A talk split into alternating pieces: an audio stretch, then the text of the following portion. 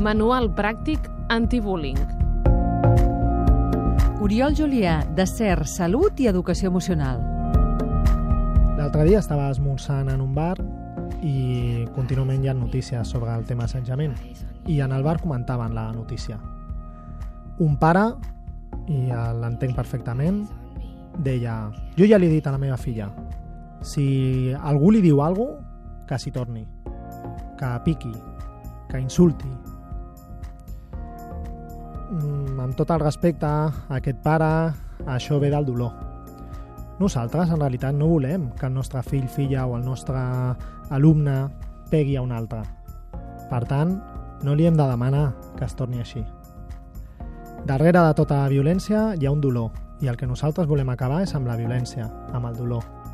El que hem d'aconseguir és generar habilitats per poder respondre a aquesta violència d'una forma sana, un comportament beneficiós per a aquesta persona i també per l'altra que també té un dolor.